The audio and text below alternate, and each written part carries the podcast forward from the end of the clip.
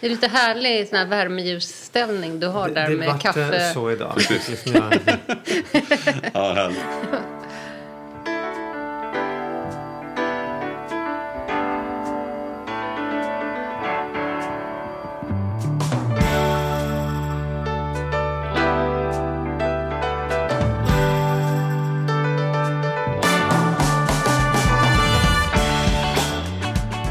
Och hjärtligt välkomna hörni. Det är podd-dags för dig som lyssnar och för oss som pratar. Det här är ju Ekonomi på riktigt som vi släpper ett avsnitt varje vecka hela året runt. Det är alltid jag som sitter och babblar tillsammans med Mattias Andersson. Och han sitter där borta och tuggar på glasögonen i vanlig ordning. I vanlig ordning. Ja, så är det. Så är det. Hur, hur är läget? Ja, men det är toppen. Ja, Det är ju höst och vi är liksom inne i det nu. Ja. Eh, Som bekant så gillar jag ju den Ja. biten. Ja. Ehm, Har du någon men- sån här höstmat?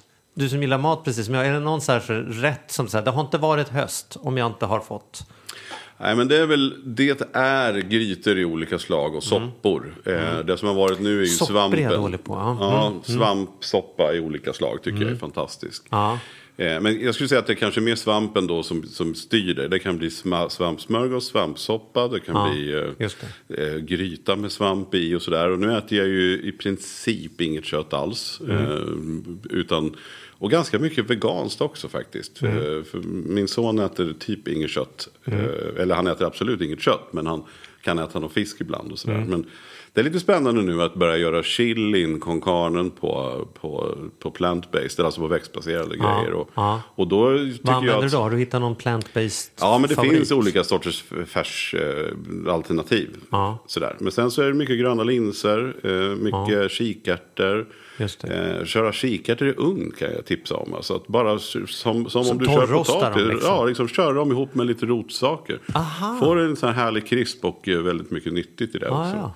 Ja. Eh, så att, så att, eh, Men ja. kör du såna burkkikärtor då eller har du hållit på blötlagt och haft det? Nej, det har varit både och. Mm. Eh, Men jag kör nog oftast burk, det är ju lite smidigare. Sådär. Men jag blötlägger linserna, kan man ju förkoka en kvart, men det är snart gjort. Mm, precis.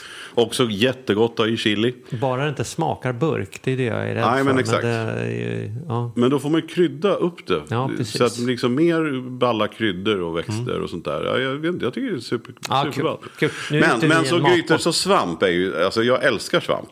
Mm. Det enda jag önskar, jag vet inte om jag, jag funderar faktiskt på att gå någon svampkurs. För jag kan för lite. Jag vågar inte, det smakar liksom inte när man stoppar i svampar. Ja, man stoppar ju inte i svampar om man inte vet vad det är. Men jag Nej. skulle vilja, jag skulle vilja kunna ta, ta rätt på mer svamp. Jag inser att jag, när jag är ute och plockar Mm. så går jag ju förbi en massa svampar som någon skulle säga wow, den där soppen är Mm. En ju magisk. fjällskivning som bara får stå Ja, men då tänker jag, tänk om det är en vit flugsvamp. Och Ja. även fast jag har Google-appar, jag har grejer, jag vågar inte ändå. Det smakar inte. Nej. Nu har jag haft så mycket svart trumpet, trattisar och sånt ändå så det Ja. räckte. Men, men, ja, nej, men så, det, så känner jag väl jag. Signif- det är väl liksom kul. tydligt för hösten. Men, Själv då? är- Men vad, ja, vad, men där är vi olika för att det finns ju faktiskt ingen aktivitet som är laglig i Sverige som jag hatar så mycket som att plocka svamp. Jag rensar svamp möjligtvis. Ja.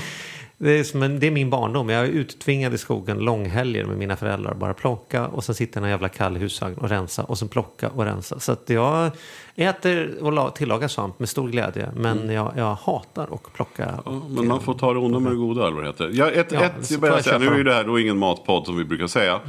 Eh, vi älskar ju mat så det är lätt att hamna där. Men det nya för året är att vi har stuckit iväg och plockat. Vi har mycket vildnypon.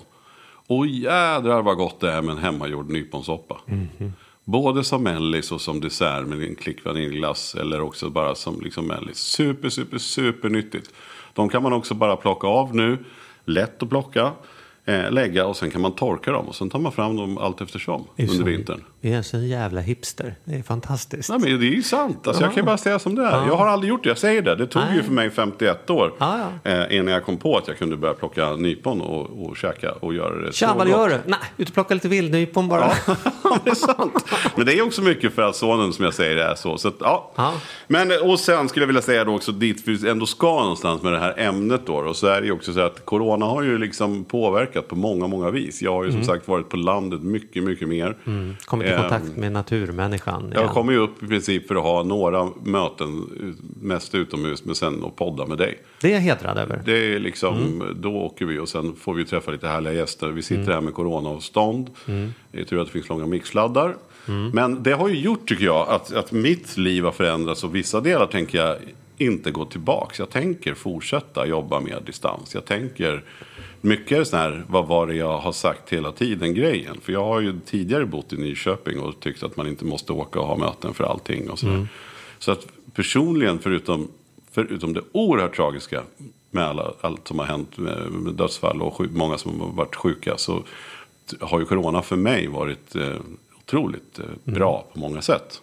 Ja, men man kan väl konstatera att, att världen kommer se annorlunda ut efter corona än mm. vad det gjorde innan corona. Mm. Och hur den kommer se annorlunda ut vet ju inte du så mycket om. Men det finns ju andra som har tänkt en massa på det. Och det är ju det som är dagens tema. Ja, det är det som är dagens tema. Och vi har alltså en gäst som är framtidsspanare och scenarioplanerare. Det tycker jag är rätt häftigt. Och hon har då tillsammans med sitt företag och en massa tunga, riktigt tunga namn tagit fram en rapport om framtiden efter corona utifrån olika scenarier. Och det här är man ju Jädrar vad, det, vad vi har hobbyspekulerat hemma vid köksbordet då med grannar och när vi Och för all del med mikrofonen på ibland också. Ja, ja, ja, oh ja vi har ja. spekulerat i många, många. Så nu måste vi ju liksom. Men vi måste ju börja med att välkomna vår eminenta gäst. Så varmt mm. välkommen till Charlotte Mattfolk.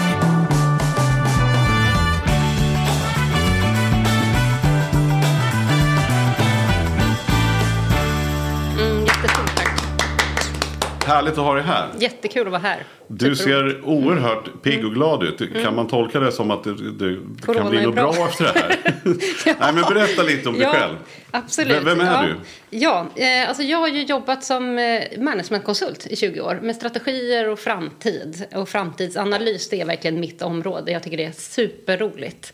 Eh, och jag har gjort alltså över 500 framtidsstudier nu. Så nu börjar jag känna mig, alltså man blir väldigt ifrågasatt när man jobbar med framtidsanalys. Mm. För alla säger till en att ja, men du kan väl inte läsa i någon spåkula. Det kan ju mm. ingen.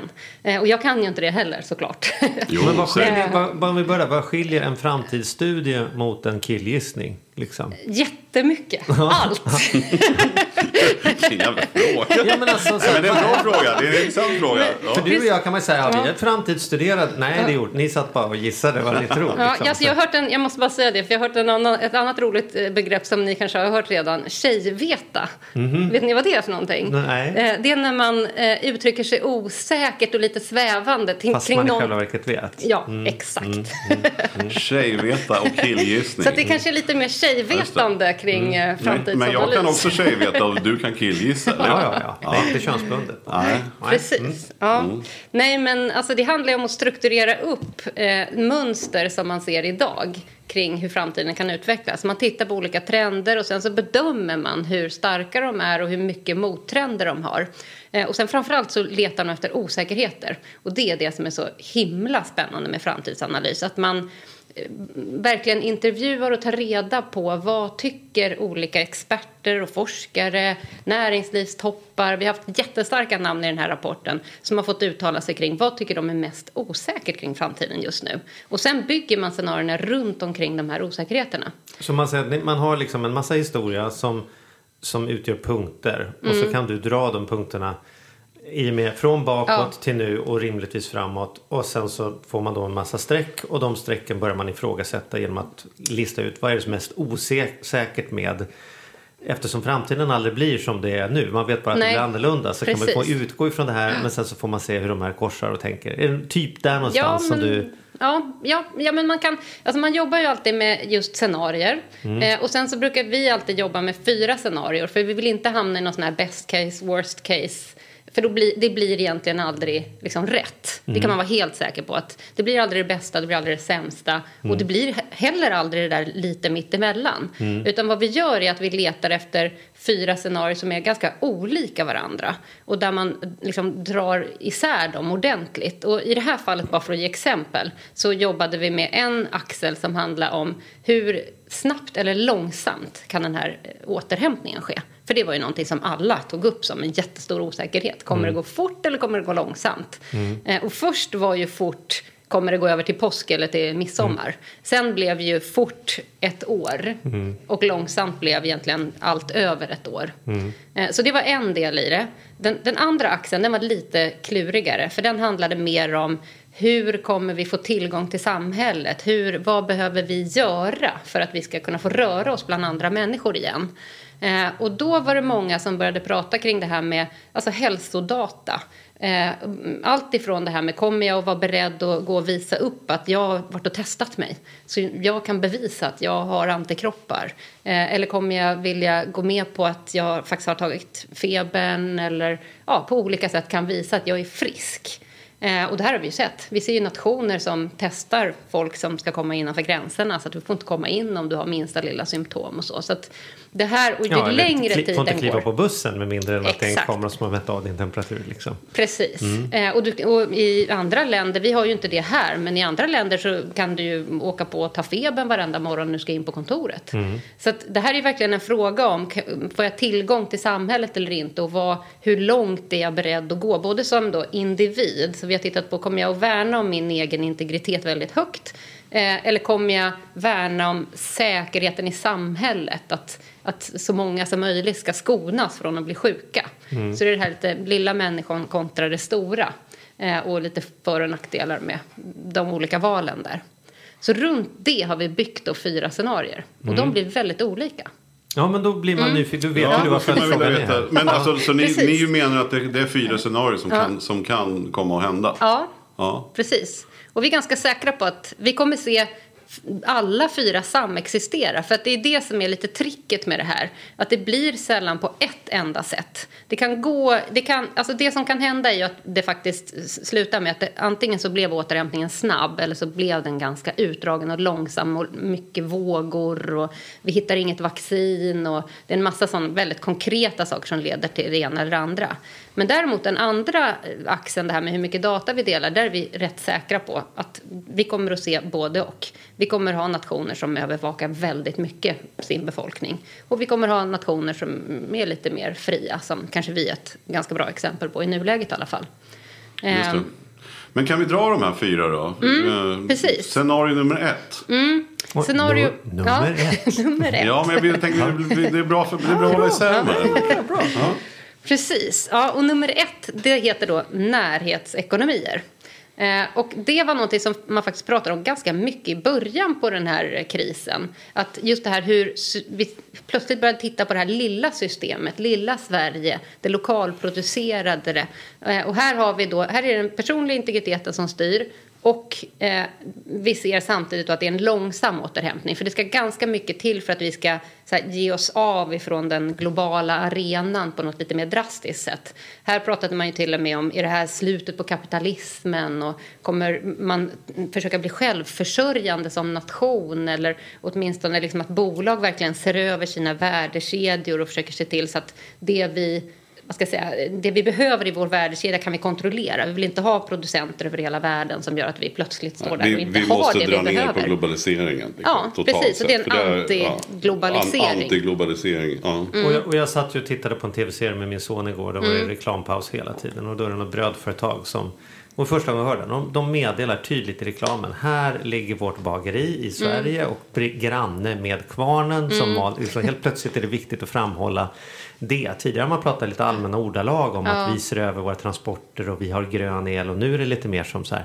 Nej men nu pågår det här liksom. Mm, precis. Och, och du, du är liksom här, du, du bor här, du, du jobbar här och du klipper dig tvärs över gatan här och du går och käkar på Nok här borta. Alltså så här, det, det passar ju dig. Ja, det passar mig. Är de Lokal. är allra bäst att gå och lufsa på landet? Ja, jo, jo. Utan att se någon människa. Jo, men du lämnar ju, om du är i Stockholm lämnar du inte den här ön i onödan. Nej, nej, nej, nej. Inte det här kvarteret. Nej, men vi hörde ju lite hipster här innan. Alltså, det, det är en typ av beteende som främjar det här Ja, scenariot ser. väldigt mycket. Och värderingar också som Ja. man står för som, som är väldigt tydliga i det scenariot. Men vad, vad Ehm. innebär det snarare? Kommer vi se mera kvartersbutiker? Kommer det komma Ja. tillbaka slaktaren och ostaffären och, och cykelreparatören istället för att man åker ut till Bromma Blocks kommer få lägga ner? Liksom så här, Ja, alltså om, om man drar ut den här så söker vi ju det mer. Vi ser också, om man säger i förorten har det blivit väldigt tydligt att där finns det ju ingen vad ska jag säga, restaurangverksamhet eller folk som jobbar hemma måste laga mat själva. Eh, nu har det ju poppat upp rätt så mycket tjänster att man kan beställa men inte så långt ifrån innerstan. Så att här, vi ser ju en, en framväxt av mycket mer lokala alternativ. Definitivt. Om man tar som ja, men, stora gymkedjor eller köpcentrum. Eller, det är ju inte dem vi vill främja. I det scenariot. Utan det är mer de här lokala spelarna och alla de här Facebook-grupperna som har vuxit fram med köp från liksom, din när, Och det här, är, närhet. det här är, när vi pratar om att det fanns fyra olika linjer, det här är då scenario ett som vi pratar om. Men det här kommer också då sträcka sig över tid. Vi ser att det här, det här är en del som definitivt kommer att öka. Det här tänket, är det så vi kan konstatera? Ja, och jag tror att det är... För, vad ska jag säga, vi, vi ser ju det här med att vilja jobba hemma. Att det var till och med en studie som gjorde det här nu, blev klar för några veckor sedan där man hade eh, intervjuat en massa svenskar kring det här med att jobba hemma och kommit fram till att 85 procent tycker att det är väldigt härligt att jobba hemma.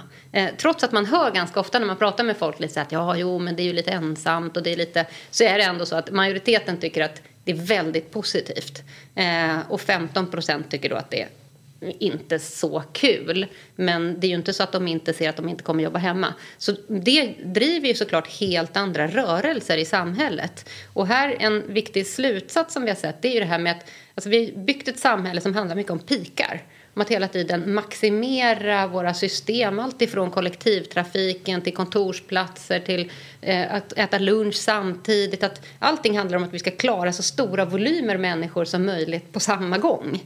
Och det är, det här, och det är väldigt resursineffektivt. Det är inte, det är vare sig hållbart eller eh, ekonomiskt eller nödvändigt när man börjar tänka på det. Varför gör vi så? Varför försöker vi inte istället platta ut alla de här kurvorna och se till så att folk gör saker vid lite olika tidpunkt? Då kan vi få plats med många fler eh, utan att vi liksom, eh, hela tiden måste bygga ut systemet. Så egentligen finns det ju en kapacitet i kollektivtrafik till exempel som är jättemycket större än den här piken som ska ske vid åtta på morgonen. Så att den här typen av medvetna tänk. Vi och- kanske kommer tillbaka till lokal tid. Det skiljer en kvart mellan Kungsholmen Ja. och Södermalm och Vasastan en kvart till. Precis. Så blir nio-rusningen plötsligt... Ja, ni skrattar men det är ju fan... Det var inte Ja. så himla länge sedan vi hade lokal tid i Sverige. Det var ju först när tågen började åka så att vi behövde ha en tidtabell som gjorde att vi hade en rikstid. Ja, det är skitsamma. Ja, det är intressant. Ja. Ja, ja. Ja, men vad, men jag precis, tänker, i ja. Mm. alla de här scenarierna så kommer vi ha samma fråga. Och vi, Eftersom vi är en ekonomipodd för pratpersoner. Hur kommer det här påverka den som lyssnar eh, ekonomiskt? Alltså Mm. vem kommer att drabbas? Vem kommer att gynnas? Vad kommer vi ha lättare att få tag på? Svårare att få tag på? Vilka typer av jobb ska man vara rädd om man har? Glad om man har? Mm. Hur förhåller vi oss till närhetsprincipen nu då? Om vi ska ha någon nytta av. Om du hade varit väderprognos Mm. då är det får jag reda på. Ska jag ha paraply eller inte? Vem ska ha paraply här liksom? Mm. Nej, men här, här, det här är ju storbolagens värsta scenario. Det är inget kul att vara eh, H&M och Ikea och den typen av spelare i det här scenariot. För de kommer vi vilja välja bort när vi kan. Eh, för att det är, inte de, det är inte de som står för det som är mina värderingar här.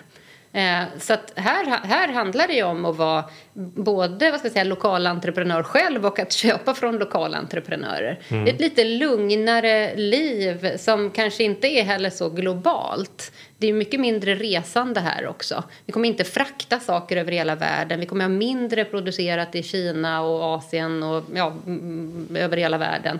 Alltså vi går ju lite mer tillbaka till det här att varje land har mer sin unika liksom, produktion. Eh, sen tror vi inte att det, vara- blir helt att nationellt. Kan det Eh, Mm. vara så?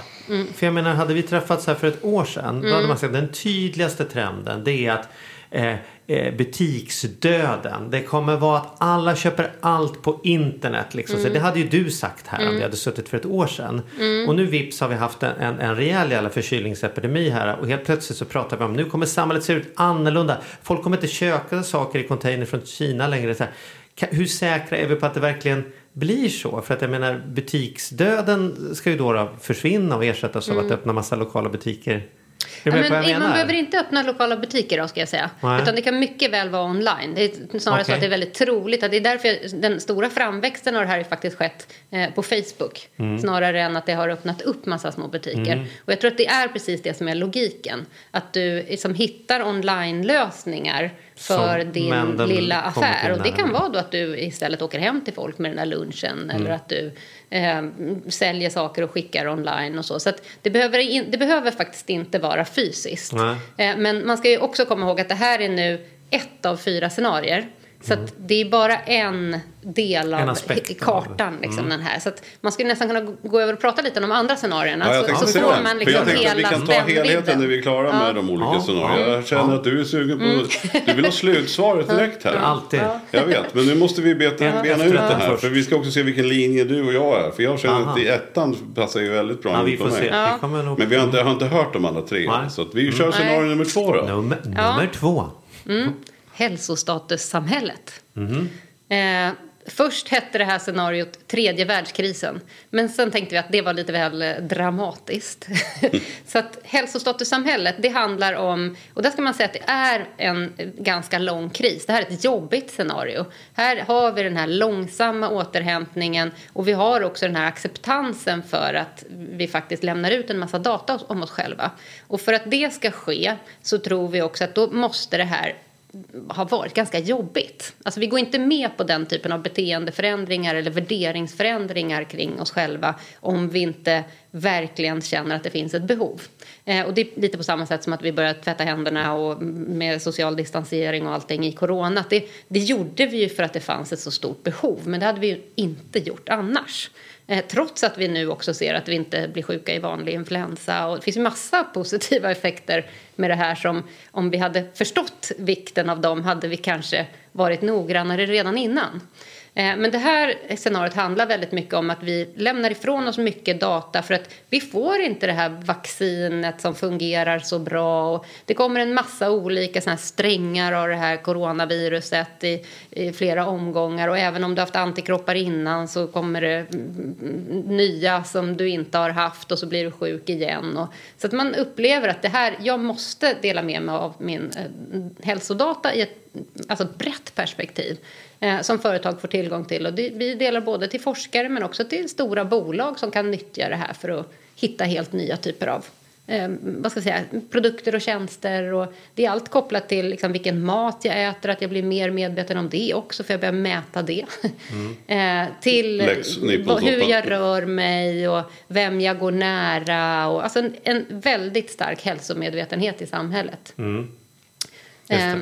Så att, och, och där blir det ju också mycket vad ska jag säga, affär, entreprenörskap. Och det har vi ju sett, de här nätaktörerna som har vuxit jättekraftigt och eh, öppnar upp nya små centraler. Och där ser vi att det också skapas massa andra affärsmöjligheter runt omkring det, där man verkligen spinner på det här med hälsan. Att det är viktigt för oss hur vi mår och hur vi sover och hur vi eh, som sagt rör, rör oss i samhället och får eller inte får olika typer av sjukdomar.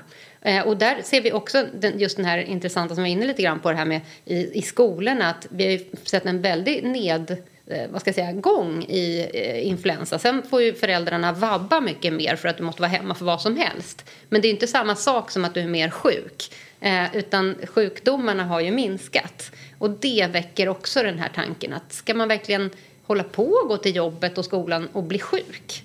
Eller ska vi vara väldigt noggranna med det om vi kan slippa det? För det är ju ett härligare liv att slippa det. Det här är ju någonting som jag, jag, jag, jag upplevde det från Kina. Att det var så intressant att höra äldre människor från Kina prata om sin hälsa. Hur man pratade på ett helt annat sätt. Mm. Det är så där skillnaden lät ungefär så här. Det är min skyldighet att inte belasta samhället utan hålla mig frisk. Därför äter jag det här, därför rör jag mig här varje dag. Mm. Men alltså en svensk skulle säga, men vad fan, man får väl ändå unna sig en cigg i det här jävla samhället. Ungefär liksom. Va? Mm. Som att man, man ser att, att, att det finns är det lite det här att man ser sin egen hälsa som en samhällsangelägenhet? Ja. Att man både har en skyldighet, inte bara rapportskyldighet, utan också en, en skyldighet att hålla sig frisk. Precis som att man inte stjäl så går man inte omkring och, och smittar folk. Nej, eller precis. går omkring och belastar vården med att vara fet i onödan. Utan man, man, man liksom så här, en ansvarig samhällsmedborgare kan inte bara säga min hälsa är min ensak längre. Exakt liksom. så. Och det här kan ju, många blir ju lite så här, oj hjälp och vad är det för något övervakningssamhälle och det är ju otroligt obehagligt att jag ska bli förföljd av det. Men någonstans tror vi det här också att det kommer finnas ett eget intresse att du helt enkelt om du kan, vi ser ju redan det med alla de här apparna som registrerar hur man sover och vad man äter och hur mycket man tränar och vilken puls man har. Och, alltså de som ger sig in i det där blir ju ganska bitna av det. Och här ser vi ju att vi, vi kan inte låta bli. Det är, ju- det är ju samma som jag menar med mat. Vi vet ju jättemycket mer vad mat innehåller och vad som är nyttigt och inte och så idag än vad vi kanske gjorde för 10 eller 20 eller 50 år sedan. Eh, och vi nyttjar ju den kunskapen. Eh, och sen kan det vara vissa som vad ska jag säga, vet men inte nyttjar det och vissa som vet mer såklart. Men det är ju ändå det där att vi flyttar fram positionerna kunskapsmässigt och då får vi också en helt annan medvetenhet inom det här området. Så att här får vi ett väldigt hälsoinriktat samhälle som vill se till att man mår bra helt enkelt. Mm. Jag har, en, jag har en, eh, en, en, nära vän som jobbar som eh, chef för, för ja, hon har personalansvarig för ett antal förskolor här i stan. Mm. Och de var ju så här, när corona kom, hur ska det här bli för oss? Men istället har det blivit så att de har aldrig haft så frisk personal som när det här, mm. sen när det hände. Liksom. Ja. Att man har bara varit ute mer, tvättat händerna kopiöst mycket mer. Och plötsligt så har de inte alls något problem med den biten.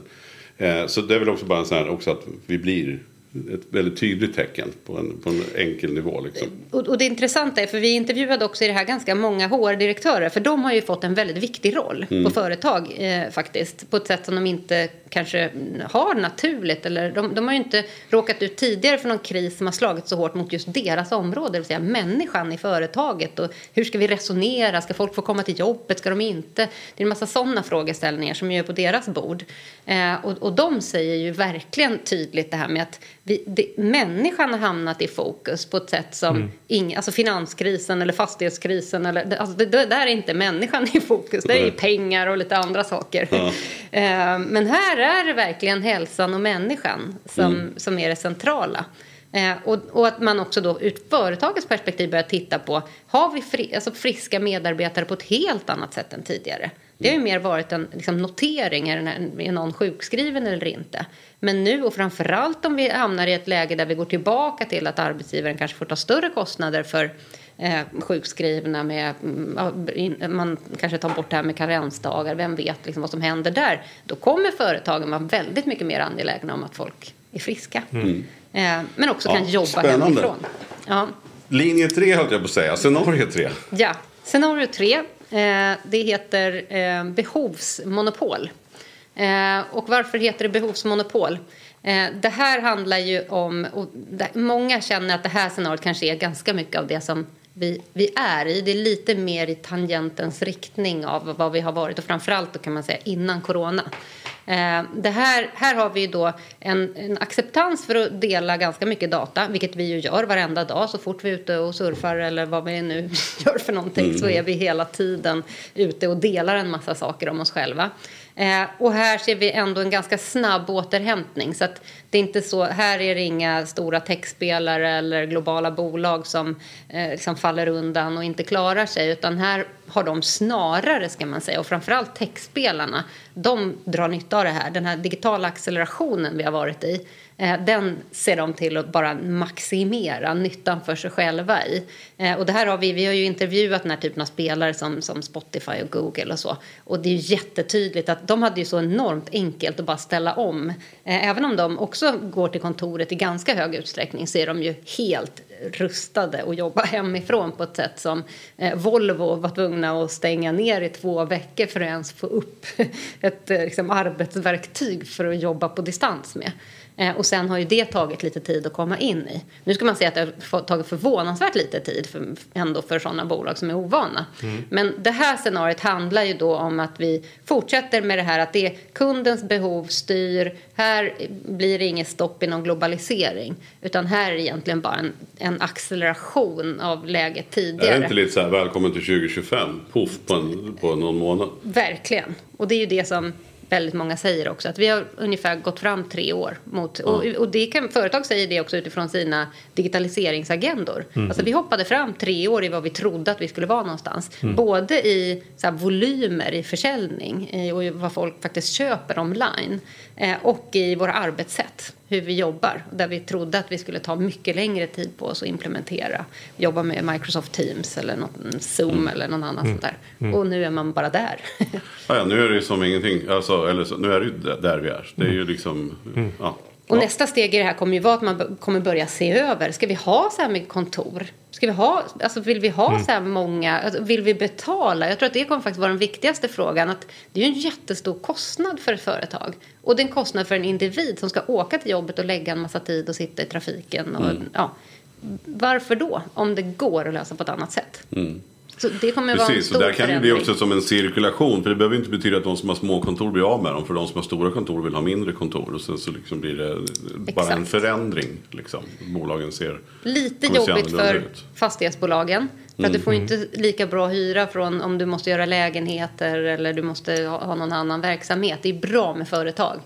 Så att, Men det vore eh, en fantastisk utveckling. Tänk om det visar sig att bostadskrisen i Stockholm löses genom att 25 procent av alla Stockholms kontorsytor blir istället boendeyta. För att det står ändå bara tomt och det är bättre att hyra ut som lägenheter än, än ingenting. än ingenting. Ja.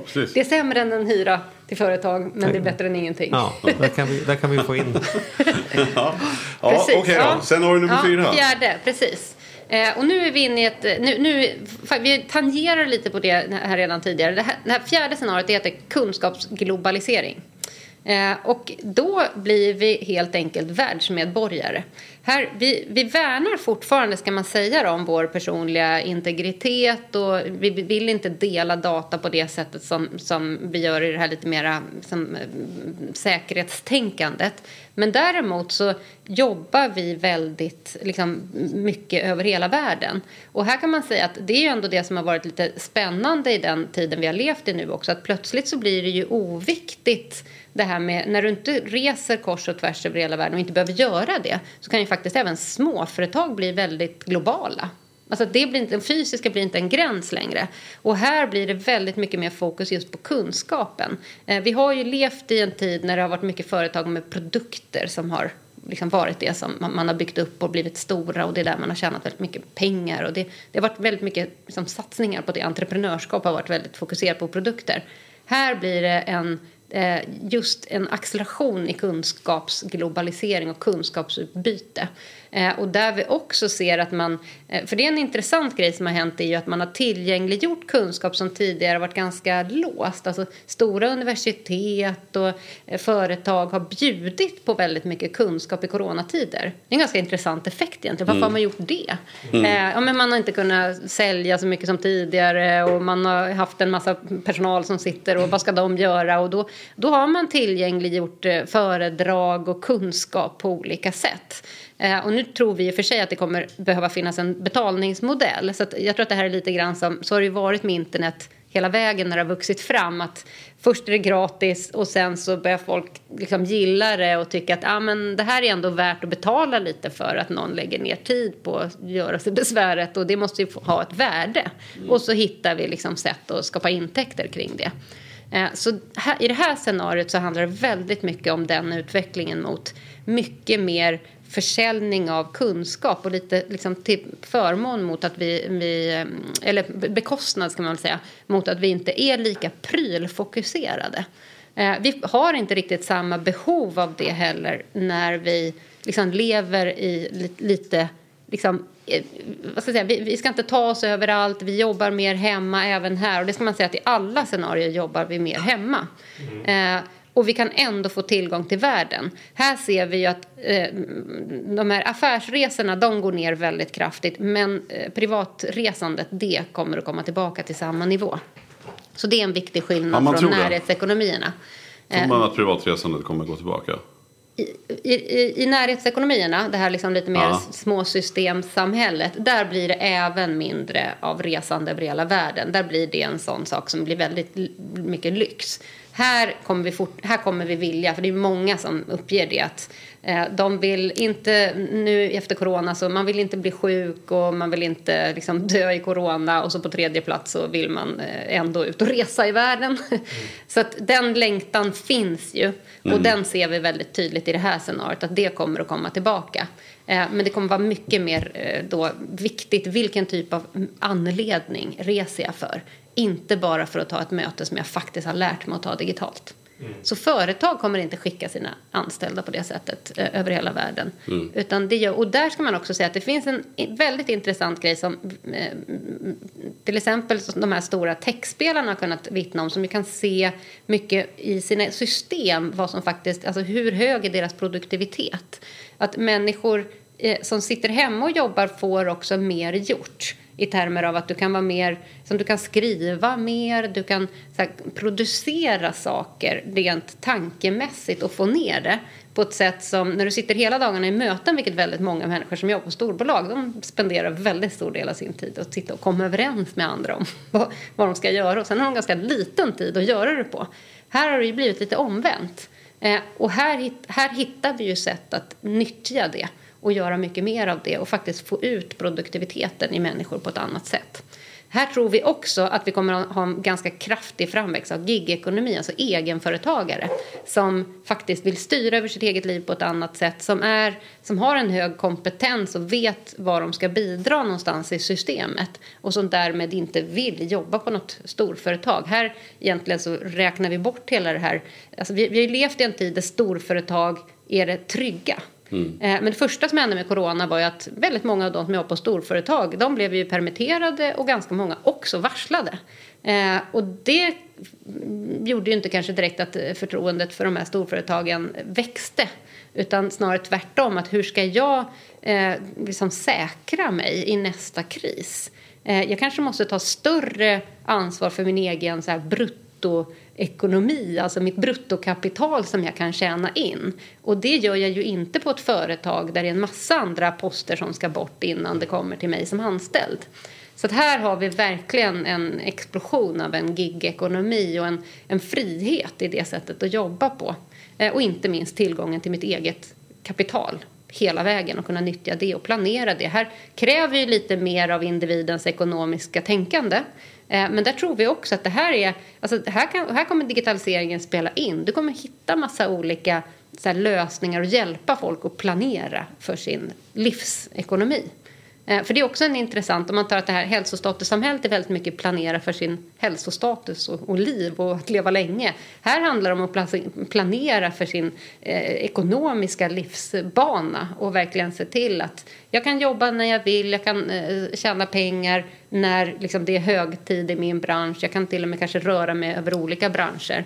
Men de, de här linjerna då, om vi ska försöka titta lite utifrån ett större perspektiv. Liksom, de här, eller linjerna, de här olika scenarierna så att mm. säga. Så de, det, går ju, det är lite motsatta men ändå så går de ju ändå ganska mycket parallellt. Mm. Tänker jag då. Va, mm. va, om man ska vara mer så här, okej. Okay, eh, för ekonomin såg vi ganska snabbt börserna rasa. Det var total katastrof. Det var mm. en sån otrolig nedgång. Och sen tjoff så gick de upp igen. Med en väldigt, väldigt fart. Och det har ju väldigt svajigt sådär. Men om vi tittar på ekonomisidan. Jag tänker bostadsmarknaden, jag tänker börsen, jag tänker sånt som berör oss i vardagen väldigt mycket. Mm. Inte minst bostäderna. Hur, vad, vad, vad, vad, säger vi om dem? Vad, mm. vad kommer att hända vad nu? kommer att hända? Vi kan väl säga, jag förstår att du inte kan säga men, men om du sätter upp, ja, baserat på det, på era rapporter. Vad, vad drar man för ja, ekonomiska slutsatser? Precis, ja, men, och det är ju då lite olika beroende på scenario förstås. Såklart, ja det är vad jag menar. De är eh. lite olika men vi måste ju ändå på något ja. sätt kunna sam men, är det något man är överens om? Ja, men alltså det finns, det finns såklart. Det gör ju alltid det att det finns lite generella slutsatser som man kan dra som ändå spänner över alla scenarier. Eh, och där skulle jag ju definitivt säga så här att eh, techspelarna de har fått ett försprång som de kommer fortsätta att nyttja. Men om jag får höja liksom någon form av lite så här, en, en liten oro som jag kan ha så är det ju att de har blivit så oerhört kapitalstarka, de här stora bolagen. Alltså vi har ju inte eh, reglerat dem på så väldigt... De har haft sån framfart under så otroligt lång tid. Och de kan ju köpa upp vartenda litet bolag som de skulle kunna se som minsta lilla hot. Eh, och de kan också köpa upp vartenda lilla bolag som de ser som den bästa innovationen som de skulle vilja ta in. Och det är väldigt attraktivt. Det är väldigt många som startar upp bolag mest av allt för att kunna sälja till någon som vill betala dyrt mm. pris. Så att det, där kan jag ju känna att det där måste vi verkligen ta tag i och fundera över. Ska som, världen som, drivas som av fem? eller som landssätt, alltså, eller som världen generellt. Ja. Alltså myndigheter behöver ja. se över den. Är det, är det fem monopol som vi ska ha som, som eh, vad ska jag säga, företag och köpa saker ifrån i framtiden? Det, det, det, är en jätteviktig fråga. Hur säker är du på att det du beskriver kommer att, kommer att hända? Jag tänker så här därför att man ser ju så här nu är jag ju så pass gammal så de filmerna jag såg som ung som skulle beskriva framtiden, den datumen har ju skett. Och det finns ju någon grej kring att vi tror alltid att framtiden ska bli så annorlunda. Mm. Vi kommer äta piller istället för mat eller det kommer bara vara självkörande bilar. Så kan jag berätta att folk kör fortfarande med manuell låda för man tycker det är lite skönt att växla. Eller liksom så här, Mm, precis, ja. att man, ingen kommer gå till en affär någonsin för man behöver bara kunna klicka hemma. Men man har gärna en bild, ah, oftast mer dystopisk då. Ja, Eh, precis, och också att ja. man, att man, de här det man upplever som nytt tänker man att det kommer ta över allt. Alltså man har liksom ingen tilltro till människans inneboende vilja att också få Nej. säga till lite grann om hur det Nej. ska bli. Förstår du Nej, min men det, fråga? jag förstår precis. Och, och det är det där som är så otroligt viktigt. För att det är alltid så att olika saker samexisterar. Att det, är, eh, det är inte så att det, liksom allt blir på ett visst sätt. Mm. Utan vi behåller en hel del av det gamla och sen går vi också delvis in i det nya. Så det är snarare det vi Mm. är ute efter att titta efter. Alltså vilka saker kommer vi se samexistera? Så vi tror ju att alla de här fyra scenarierna kommer vi se eh, tendenser kring. Och vi, kommer, vi brukar följa upp det sen med att verkligen så här mappa in nyheter och eh, rapporter och insikter som vi får över tid. Så att jag har ju gjort rapporter för 20 år sedan kring det här eh, som är jättekul att titta tillbaka på. Och där kan man ju säga att oftast så är det ju snarare kanske att man missar någonting som inte är så stort just nu. Lite AI. Men, men hur tänker Ja. Man måste ju ändå fråga dig, men nu, nu, när det här hände, Mm. eh, här i, när det exploderade i februari, mars. Mm. Precis. Hur tänkte du som framtids... Är det någonting du har kommit... Är det något du har blivit förvånad över den här rapporten? Som, som ni har kommit fram till, som Mm. ändå är bättre än vad du kanske trodde? Finns det någon... Vad har Mm. du sett under de här månaderna ändå och nu när ni har gjort en rapport? För det är många namn. Du kan ju nämna Mm. några som har varit med och tagit fram den här rapporten. Det är ju, du är inte själv om det. Nej, precis. Nej, men det är ju, det är, det är ju mm, företagsledare från stora bolag som eh, ja, inom egentligen alla typer av branscher. Det är allt från byggbranschen till apoteksbranschen, detaljhandeln. Så det, är liksom, det, är, det är den typen av personer. Det är också HR-direktörer från den typen av branscher. Flygbranschen, resebranschen. Just det. Eh, så det, det En gedigen spänner brett över Ja. många branscher. Och sen är det också eh, som sagt en hel del forskare och mm, vad ska jag säga, experter som jobbar på myndigheter och institut. Eh, så att det är ju väldigt mycket spännande tankar. Och det som jag slogs av mest av allt när, jag, när vi började göra intervjuerna det var ju ändå att, att man var så positiv. Att de flesta ändå såg någonstans att ja, lite så här liksom att ja, nu har vi kanske fått vad vi förtjänade. Lite så. Att den här pandemin, vissa var väl helt eh, vad ska jag säga, omedvetna om att det här skulle kunna hända. Men ganska många kunde väl ändå konstatera att ja, det här har man ju ändå hört om att det skulle kunna hända en sån här sak. Eh, men de flesta, jag menar, det är ju inget företag som riktigt sitter och förbereder sig på den här typen av omfattning. För att det här, de flesta sa ju det, det här är ju något vi aldrig någonsin kunde ens fantisera om att det skulle kunna slå så här hårt. Det här är ju som ett världskrig. Eh, och då hade vi ändå inte trott att världskriget skulle komma i det här formatet. som en sjukdom.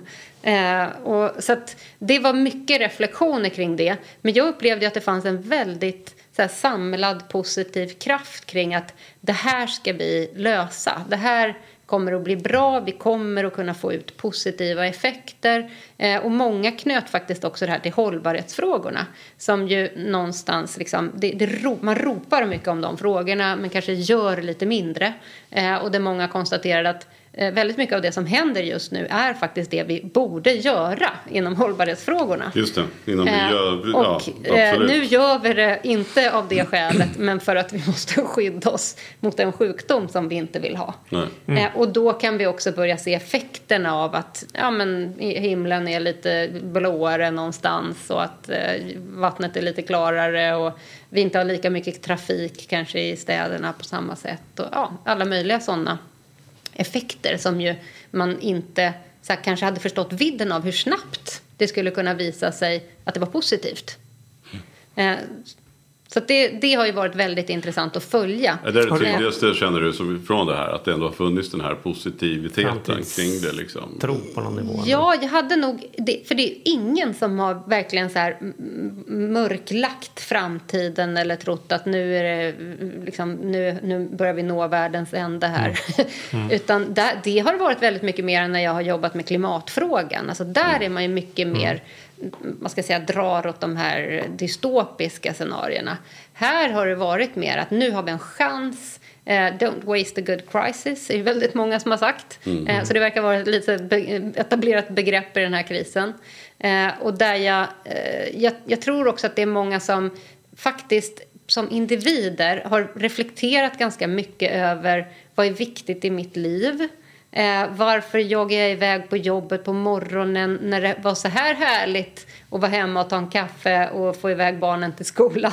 Eh, och jag var där dessutom när de kom hem igen. Att så här, lite omvärdera, vad är det jag jagar runt efter? Mm. Varför tycker ja, den, jag att det är så viktigt? Precis de orden tycker jag hör med alla eh. mina klienter jag pratar med i vardagen så att säga. Och det liksom, tycker jag hör varje dag nu. Just den här att jag är så trött, varför ska jag jaga runt? Nu, mm. nu, nu Ja, sådär. Jag vet Var det här lösningen? Ja, vi har varit på, ja. i påsk, vi har varit i Alperna i påsk i tio års tid. Vi tänkte hur ska det bli vi inte kan åka dit. Så nu åkte vi till Kiruna och jädrar varför. Vi har redan sett Alperna tio gånger. Vi behöver inte se det mer. Nu Nej. fick vi se något nytt. Ja. Alltså, jag, jag, tycker man har mycket den där i ja. vardagen. Ja. Positivitet någonstans. Så jag, vet, jag tycker det är intressant. Jag tycker också intressant det här med unga människor. Att vi har pratat väldigt lite om un, hur det här har drabbat unga. För det är mm. väldigt många unga människor som hade kanske precis fått sitt första jobb. Eller väldigt tidigt i sin karriär. Och det här händer. Mm. Och det tycker jag är jätteviktigt att vi snabbt är på det och ser till så att de får en framtidstro. Alltså de är ju verkligen inte bättre riggade än någon eh, vad ska jag säga, lite mer erfaren, någon som har jobbat i 20 år och blir av med jobbet, då mm. har du ju ändå lite mer livserfarenhet att luta dig emot. Mm. Eh, så att jag tycker inte att det är så självklart att de här grupperna ska klara det här bättre. Mm. Och vi kanske borde ha lite mer fokus på att se till att de mm. också får ta del av de här vad ska jag säga, stöden och sätten att liksom känna att vi är också en viktig del i samhället och vi får också en chans mm. att försörja oss själva. För det är ju ändå det. Man vill ju, det tror jag ligger ganska djupt hos väldigt många. Att är man vuxen så här, då vill man kunna försörja sig själv. Och det vill faktiskt alla. Och när kommer vaccinet då?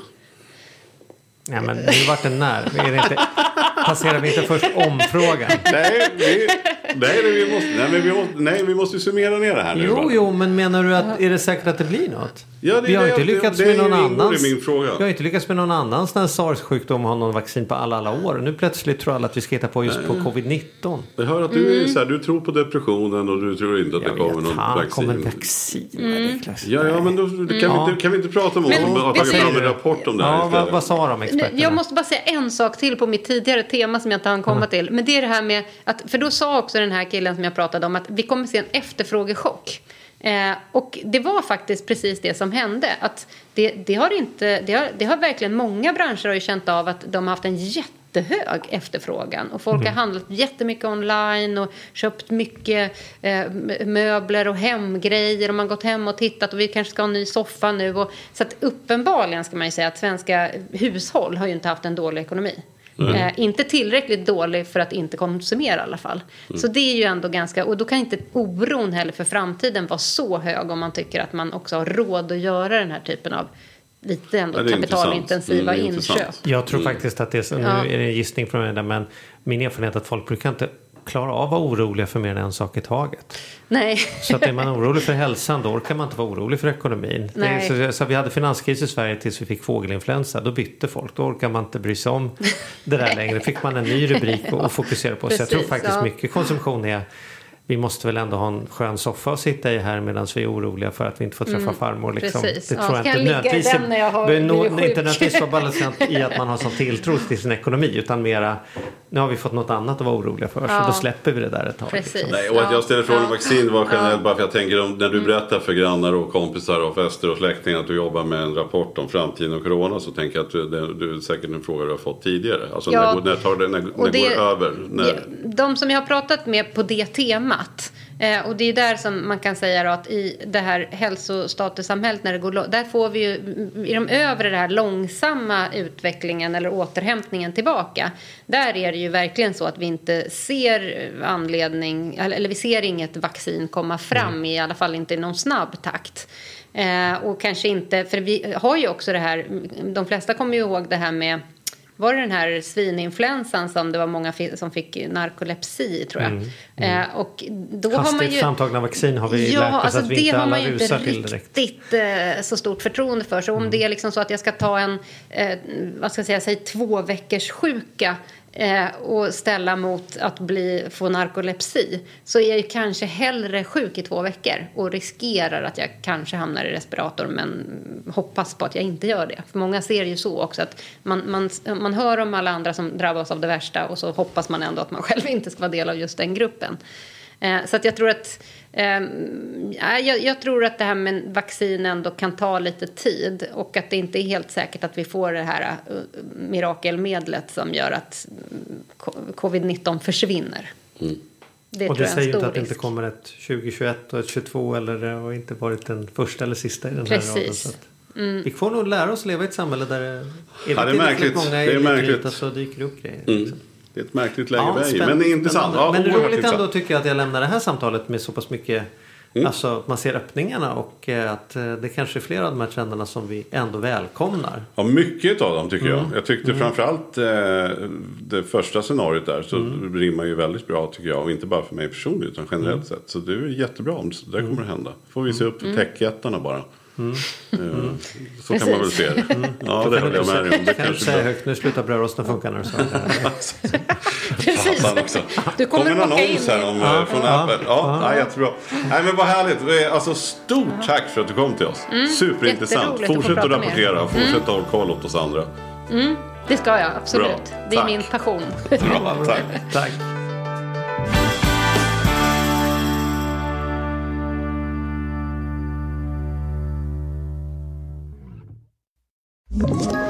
Ett poddtips från Podplay. I podden Något Kaiko garanterar östgötarna Brutti och jag, Davva, dig en stor dos skratt. Där följer jag pladask för köttätandet igen. Man är lite som en jävla vampyr. Man har fått lite blodsmak och då måste man ha mer. Udda spaningar, fängslande anekdoter och en och annan arg rant. Jag måste ha mitt kaffe på morgonen för annars är jag ingen trevlig människa. Då är du ingen trevlig människa, punkt. Något Kaiko, hör du på Podplay. Därför arkadeinerna.